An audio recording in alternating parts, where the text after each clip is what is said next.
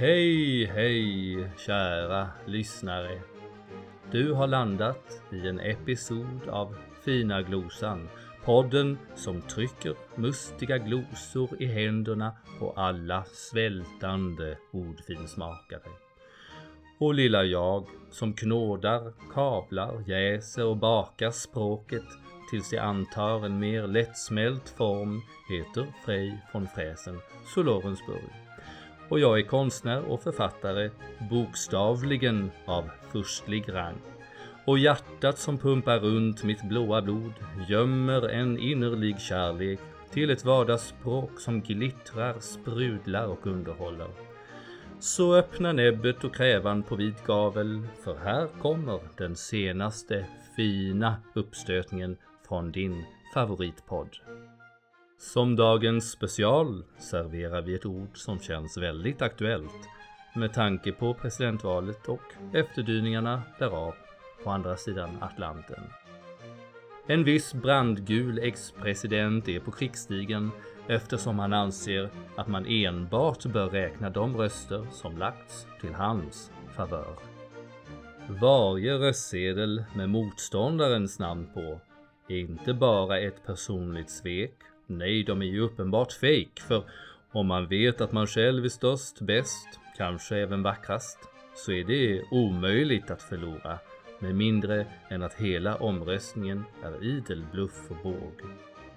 Vi kan bara spekulera om huruvida vår bananrepublikan verkligen tror på sina egna fabuleringar. Ett är i alla fall säkert.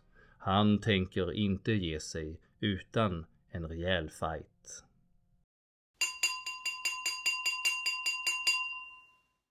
Fina glosan nummer 7 Bröstgänges Det sägs att ända mot ända kan inget hända men går du bröstgänges in i leken får du nog vara beredd på en smocka eller två. Bröstgänges, att gå med det utspända bröstet före, är en gammal synonym för att gå till attack. Att gå bröstgänges tillväga var detsamma som att ta till nävarna eller ännu farligare vapen i en närstrid man mot man och bröst mot bröst. I dessa mindre våldsamma dagar använder vi ordet främst när någon är väldigt rätt fram, burdus eller rätt och slätt pang på, på ett sätt som uppfattas som obehagligt. Ett annat sätt att använda denna fina glosa är som synonym till ordet våghalsighet. Exempel nummer ett. Astrid kastade sig bröstgänges ut från klippan och landade med ett svidande magplask. Exempel nummer två. Vår lille Ester gick bröstgänges tillväga med Arvid efter att han dragit henne i flätan. Det gör han nog inte om. Exempel nummer tre.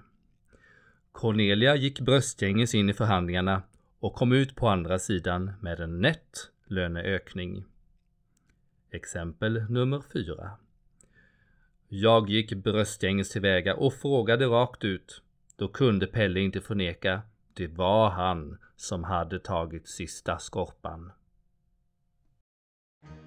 Och så, kära vänner, är det alltså dags att skiljas åt för den här gången. Här följer en kort hypnotisk suggerering till avsked. Andas in. Slappna av. Andas ut. Följ podden där du brukar hitta poddar. Gilla podden. Berätta för andra hur mycket du gillar podden. Ja, ungefär så. Stort tack för idag. Gavott och ballott. Ha det så flott. Música